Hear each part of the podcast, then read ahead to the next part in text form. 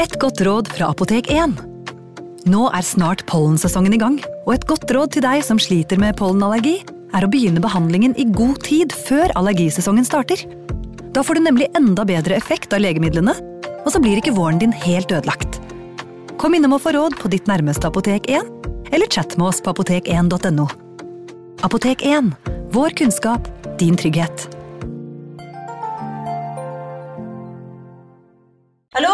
Jeg kommer fra Oslo politikammer. Ine Jansen er purk. Er du purk? The motherfucking bitch. Alt jeg vil, er å finne ut hva som skjedde med mannen min. Jon Carew. Er jeg sikta for noe? Iben Akeli. Det er du. Ole So, Lars Berrum og Big Daddy Karsten. Hvem sin side er du på, egentlig? Anette Hoff, Tone Danielsen, Kommer du fra Afrika? Jørnis Josef, Nesten. Kløfta. Trond Espen Seim, Det er synd å si det, men det var feil mann som døde. Purk. Premiere tirsdag på TV2 Play. Ungsamtalen fra DNB er økonomisk veiledning tilpasset deg som er ung. Bokk en ungsamtale på dnb.no. slash ung. Det er kjempebra hvis du skal inn på boligmarkedet, hvis det er drømmen din, liksom. Det er det du skulle sagt. Og så kunne du ropt litt mer, da, sånn som jeg gjorde. Bam! Advarsel. Denne podkasten inneholder skildringer av ekte drap og kriminalsaker som kan være støtende for enkelte. Det advares også mot sterke inntrykk i deler av episoden. Klokken hadde bare så vidt passert midnatt den 20. august 1952, og to politibetjenter fra Baltimore County kjørte sakte nedover Taylor Avenue. Det hadde vært en rolig kveld så langt, og betjentene hadde sine svare strev med å holde seg våkne. De pratet og nippet til hver sin kaffekopp, som de hadde kjøpt på en kafé like borti gaten. Kaffen og praten var det eneste som hindret dem i å slukne bak rattet. Betjentene pratet om å ta en tur ned til sentrum for å se om det var noe de kunne bidra med der, men oppmerksomheten deres skulle straks fanges opp av noe ganske annet. Et voldsomt brøl fra en bilmotor hylte bak dem, samtidig som lyset fra frontlykter vokste i bakspeilet. Før betjentene hadde rukket å reagere, hadde en brå Chrysler spunnet forbi dem i en voldsom fart og nærmest sneiet politibilen på veien. Bilen fortsatte å holde høy fart mens den svingte frem og tilbake på veien, og bare så vidt bommet på lyktestolpene som lyste opp gaten. Det var tydelig at dette ikke var snakk om noen vanlig råkjører. Bilen og føreren måtte være fullstendig ute av kontroll. Betjentenes kaffekopper fløy veggimellom mens de skrudde på blålysene og satte etter bilen. Plutselig traff siden på Chrysleren en telefonstolpe, og dekkene på bilen hylte mot asfalten. Det sendte bilen i en ny retning nedover gaten mot Belair Road, men før den rakk å komme inn på den nye veien, svingte den krapt og fikk en overhaling. Chrysleren spant opp på en veiskulder og ble sendt flyvende gjennom luften et par sekunder. Betjentene så på i forferdelse mens hele den store bilen vippet over på siden og landet med et brak. Chrysleren skled noen meter på grusen før den plutselig stoppet opp. Røyken steg opp fra kjøretøyet, og glass og metallbiter lå strødd på bakken. Politibetjentene kom seg raskt ut av bilen og løp mot den rykende Chrysleren. De kikket forskrekket inn, og da fikk de se det. En kvinne i 30-årene, forslått og blodig, lå urørlig i bilen. Likevel var det noe som ikke stemte. Denne kvinnen kunne ikke bare ha mistet kontrollen over bilen sin. Her var det noe mer. Velkommen til True Crime Poden.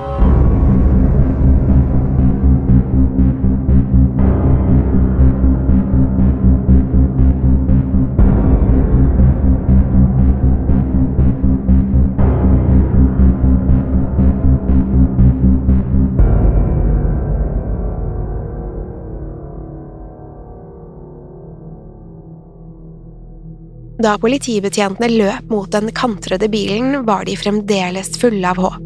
Til tross for den harde landingen og røyken som steg opp fra motoren, så bilen relativt uskadet ut. Kanskje føreren hadde det bra etter forholdene og kunne reddes ut. Da de rev opp førerdøren, fikk de se den blodige kvinnen. Hun var blitt slengt fra førersetet til passasjersetet etter krasjen og lå urørlig med hodet mellom knærne. En av betjentene sjekket om kvinnen hadde puls, men kunne ikke kjenne noe som helst. Dermed kastet de seg over radioen i politibilen for å få tak i en ambulanse. Mens de ventet, gjennomsøkte de bilen. Det måtte finnes noe som kunne si noe om hva som hadde gått så galt, men det var ingenting av interesse i bilen. Det var likevel noe annet som fikk betjentene til å lure. Til tross for at bilen hadde stoppet, så hjulene fremdeles ut til å spinne. Det var som om noen, eller noe, fortsatt trykket inn gasspedalen. En av betjentene gikk for å undersøke førersetet, og da lot han merke til en stor sten som lå presset på gassen. Kunne noen med viten og vilje ha plassert stenen der for å holde bilen i gang? Det var den første indikasjonen på at dette kanskje ikke var noen vanlig ulykke.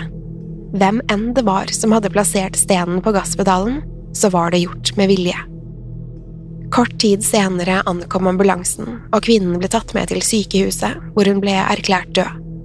Imens fortsatte politiet å undersøke ulykkesstedet. Snart skulle de finne ut hvem den døde kvinnen var. Det var 33 år gamle Dorothy May Grammer, mor til tre og søndagsskolelærer i byen. Ektemannen hennes George arbeidet på et stålverk i New York, men Dorothy hadde flyttet tilbake til Baltimore for å hjelpe sin syke mor. Så snart de hadde funnet ut hvem kvinnen var, forsøkte politiet å kontakte ektemannen George, men han skulle vise seg å være vanskelig å få tak i. Han var fremdeles i New York og tok ikke telefonen. Den de fikk tak i, var Georges bror, som også prøvde å få tak i ham, men det var nytteløst. Broren ringte igjen og igjen, men ingen svarte.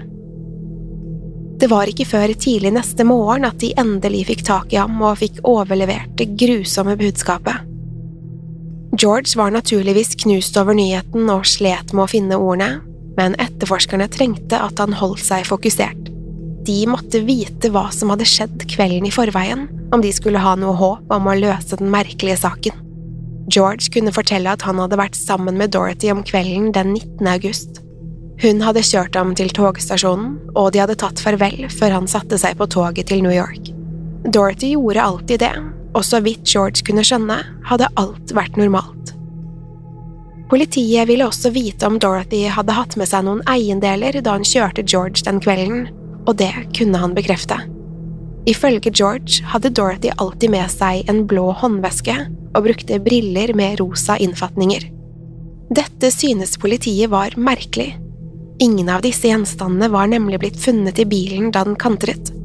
Kunne Dorothy ha blitt offer for et ran? Og i så fall var det ranerne som hadde plassert stenen på gasspedalen? Det var likevel ikke den eneste teorien som verserte på politistasjonen. Etter at Dorothys lik ble obdusert på sykehuset, skulle rettsmedisinerne nemlig finne noe som tydet på noe helt spesielt. Hun hadde fått hodeskallen knust, men rettsmedisinerne mente det ikke kunne være et møte med bilens dashbord som hadde påført henne skadene. Det var også noe annet som var spesielt. Dorothy hadde kun noen få blåmerker. En ulykke av den typen Dorothy hadde vært gjennom, burde ha gitt henne blåmerker overalt. Likevel var kroppen hennes mer eller mindre uskadd, med unntak av den knuste hodeskallen. Da politiet ville vite hvorfor liket ikke var mer skadet, hadde rettsmedisinerne kun ett svar. Døde mennesker får ikke blåmerker. Altså hadde Dorothy vært død lenge før bilen kantret. Dorothy var blitt myrdet. Skallen hennes var blitt knust av en rekke slag mot hodet med en butt gjenstand. Nå var det helt andre spørsmål som måtte besvares. Hvem kunne stå bak det utspekulerte drapet, og hvorfor var Dorothy, en fredelig søndagsskolelærer, blitt offer for slik ondskap? Ryktene begynte snart å spre seg i Baltimore om hvem den ukjente morderen kunne være. Mange vegret seg for å ferdes ute på kveldstid, både i bil og til fots, i frykt for å bli offer for den samme gjerningspersonen som Dorothy. Andre var sikre på at det måtte være noen Dorothy kjente fra før som sto bak drapet, men det ville ikke vært første gang noen hadde tatt livet av et tilfeldig offer. Mange klandret Dorothys ektemann George for ikke å ha vært der og beskyttet konen sin. Han ble jaktet ned av journalister til alle døgnets tider, som prøvde å få noen ord ut av ham til morgenavisen. Det eneste George hadde å si om saken, var at han håpet at noen ville stå frem med informasjon i den grusomme saken. Han tryglet om hjelp gjennom pressen, slik at han og familien kanskje kunne få noen svar på hva som hadde skjedd med Dorothy. Mens frykten spredte seg i byen, fortsatte politiet å etterforske saken. Hva kunne motivet for drapet være, og hvorfor hadde gjerningspersonen plassert Dorothy i bilen? Veien bilen hadde kjørt, kunne i alle fall gi svar på noe. Fra toppen av gaten gikk veien strakt ned mot et T-kryss. Om Dorothys bil ikke hadde truffet telefonstolpen på veien, ville den fortsatt ned til krysset og blitt smadret mot et autovern i enden av gaten. Kunne det vært morderens intensjon? Da ville det i så fall blitt mye vanskeligere å finne ut at Dorothy var blitt drept. Kort tid etter at saken offisielt ble stemplet som et drap, skulle også et vitne stå frem med informasjon. En kvinne som jobbet på en skole i nærheten, kontaktet politiet med det hun mente kunne være en viktig brikke i puslespillet. Kvinnen hadde ikke sett noe, men hun hadde hørt et forferdelig smerteskrik fra en sidegate den natten Dorothy døde. Politiet reiste til området for å undersøke, og der ble det funnet en avbrukket bit fra et jernrør.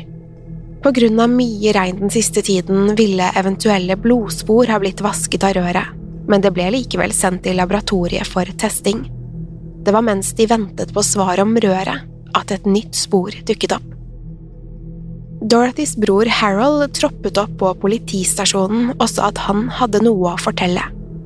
Etter Dorothys begravelse hadde han besøkt George i leiligheten hans i New York. Ifølge Harold hadde George oppført seg veldig merkelig. Han hadde nektet Harold å gå inn i flere rom i leiligheten og virket svært oppskaket. Da George forlot rommet, hadde Harold begynt å snuse litt rundt, og da hadde han funnet en dameveske henslengt under sengen.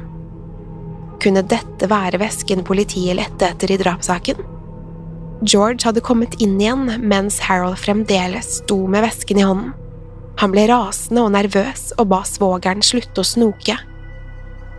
Det skulle vise seg at vesken ikke hadde tilhørt Dorothy, men det hindret ikke Harold i å mistenke at noe var fryktelig galt.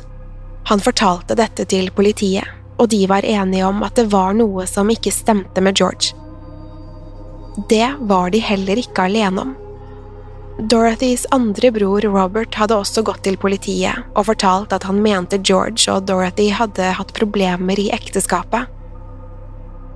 Han hadde overhørt en telefonsamtale mellom søsteren og George, hvor Dorothy hadde spurt om George ikke elsket henne lenger. Etter samtalen hintet Dorothy til at George muligens hadde en elskerinne i New York som han ikke fortalte henne om.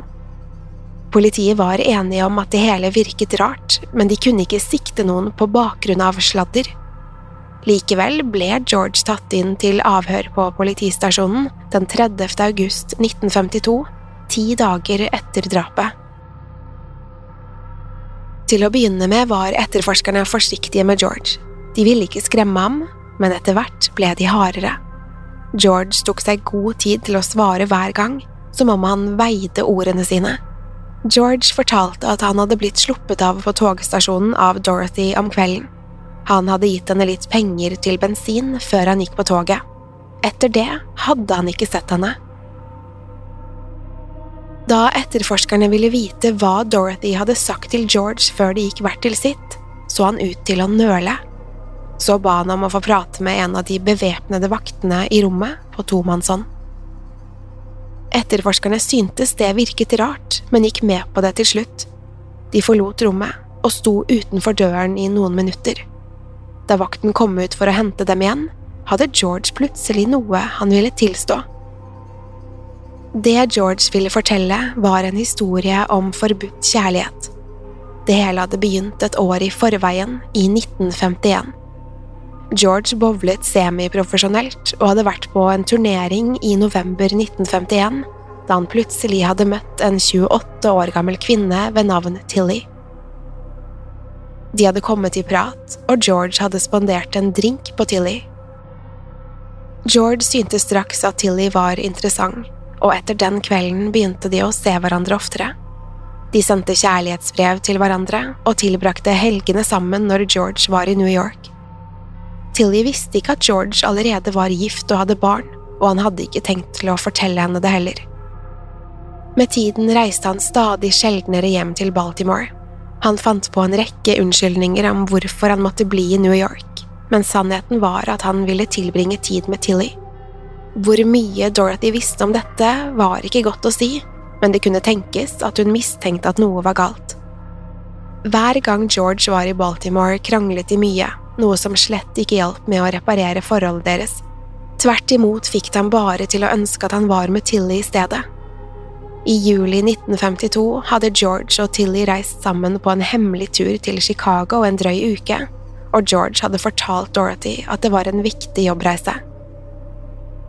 Etter ferien hadde Tilly håpet at George snart ville fri til henne, men det skjedde ikke. Tilly var sikker på at det hadde å gjøre med at hun kom fra en strengt religiøs familie. Da de kom hjem fra Chicago, reiste hun derfor hjem til foreldrene for å spørre om de ikke kunne overse de religiøse forskjellene mellom henne og George. Det var likevel ikke det som var problemet. George visste ikke hvordan han skulle håndtere det ekteskapet han allerede var i, og det var derfor han ikke hadde fridd ennå. George visste at Tillys religion aldri ville tillate henne å gifte seg med en skilt mann, men religionen sa ingenting om å gifte seg med en enkemann.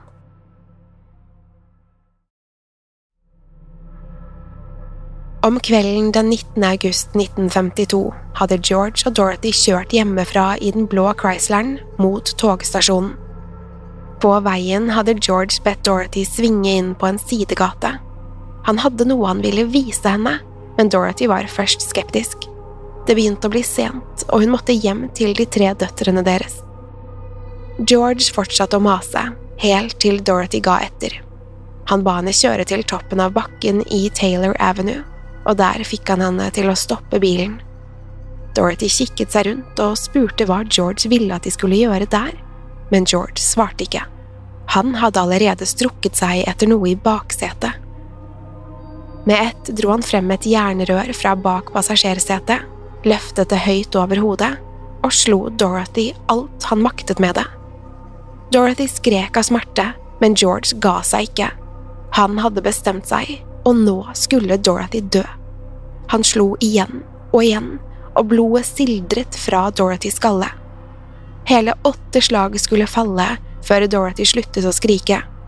Hun sank sammen i førersetet, forslått og død. Så snart han var sikker på at Dorothy virkelig var død, fortet han seg ut av bilen. På veien tok han med seg Dorothys veske slik at det skulle se ut som hun var blitt ranet.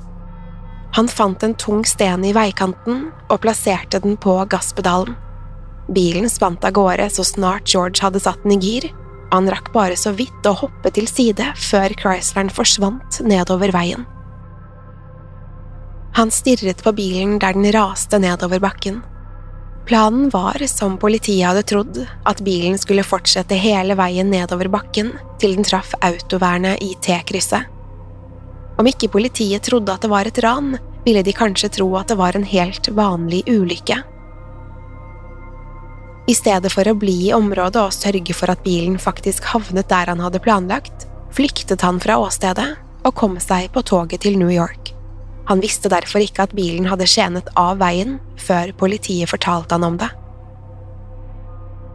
I avhørsrommet på politistasjonen satt etterforskerne og lyttet til Georges historie med gru. Han hadde drept sin kone i kaldt blod. Det var det ingen tvil om. Nå hadde han innrømmet alt sammen, og dermed ble han siktet for overlagt drap. Redde for at han skulle flykte før rettssaken, plasserte de ham i en celle og nektet ham kausjon. Da rettssaken begynte den 6. oktober 1952, skulle juryen gjøre en kort prosess av ham, men ikke før aktor hadde kalt frem et hemmelig vitne. Til Georges store forferdelse hadde de fått tak i Tilly til å vitne mot ham. De hadde fortalt henne at George hadde myrdet sin egen kone for henne, og hun var knust og rasende. På en måte følte hun seg delvis skyldig i det som hadde skjedd med Dorothy, og hun klandret George. Nå ville hun hjelpe politiet. Mens hun snakket, prøvde George å få øyekontakt med henne, men hun nektet å se på ham. Hun ble spurt ut om forholdet deres, og innrømmet at hun hadde elsket ham. Tanken på at han hadde løyet for henne, og til slutt drept for henne, var en forferdelig åpenbaring. Tillys forklaring hjalp politiet å danne seg et bilde av en løgnaktig ektemann som til syvende og sist var villig til å gjøre alt for å være med elskerinnen sin, til og med myrde sin egen kone. Selv var George overbevist om at alt han hadde gjort, var i kjærlighetens navn. I virkeligheten var han en nådeløs morder. Tilly skulle i etterkant av rettssaken flytte bort fra New York. Hun sluttet i jobben og byttet navn, i håp om at hun kunne legge alt sammen bak seg.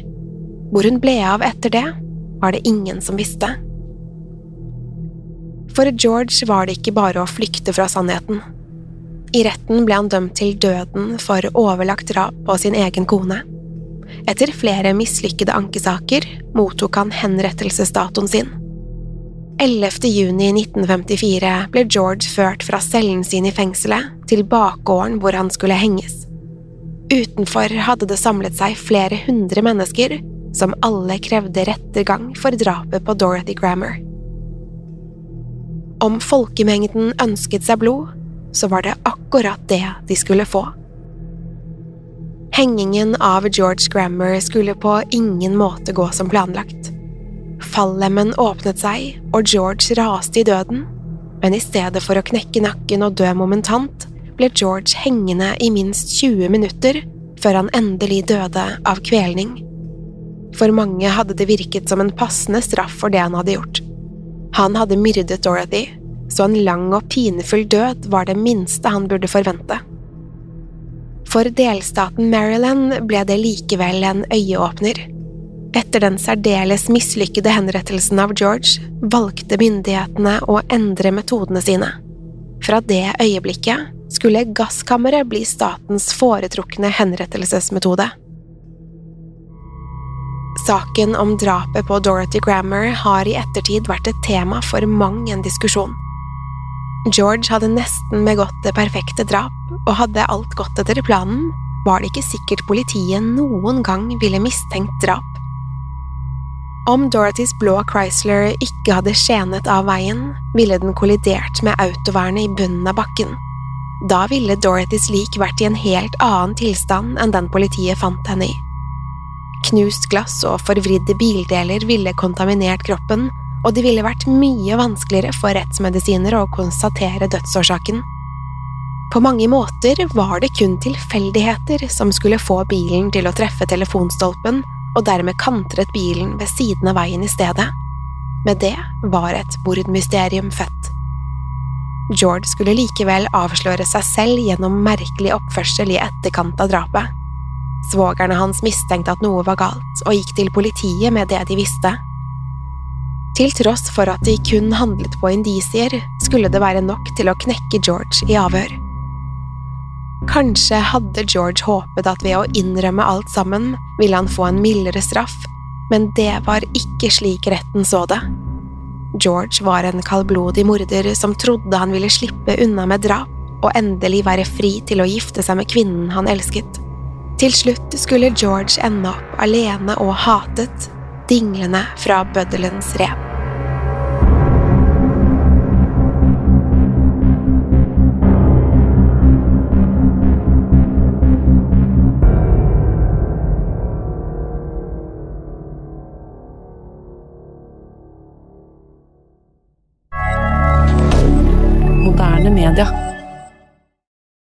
Har du et enkeltpersonforetak eller en liten bedrift? Da er du sikkert lei av å høre meg snakke om hvor enkelt det er med kvitteringer og bilag i fiken, så vi eh, gir oss her, vi.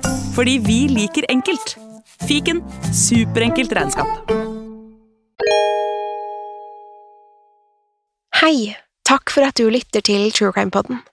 Skulle du ønske at du kunne høre en ny episode av denne podkasten hver eneste uke? Vel, da er det bare å laste ned podkastappen Untold med en gang. I tillegg til ukentlige episoder av podkaster som Skrekkpodden, Synderne og Henrettelsespodden, får du masse annet reklamefritt og eksklusivt innhold. Last ned Untold i AppStore eller Google Play, og start din 30 dagers prøveperiode i dag.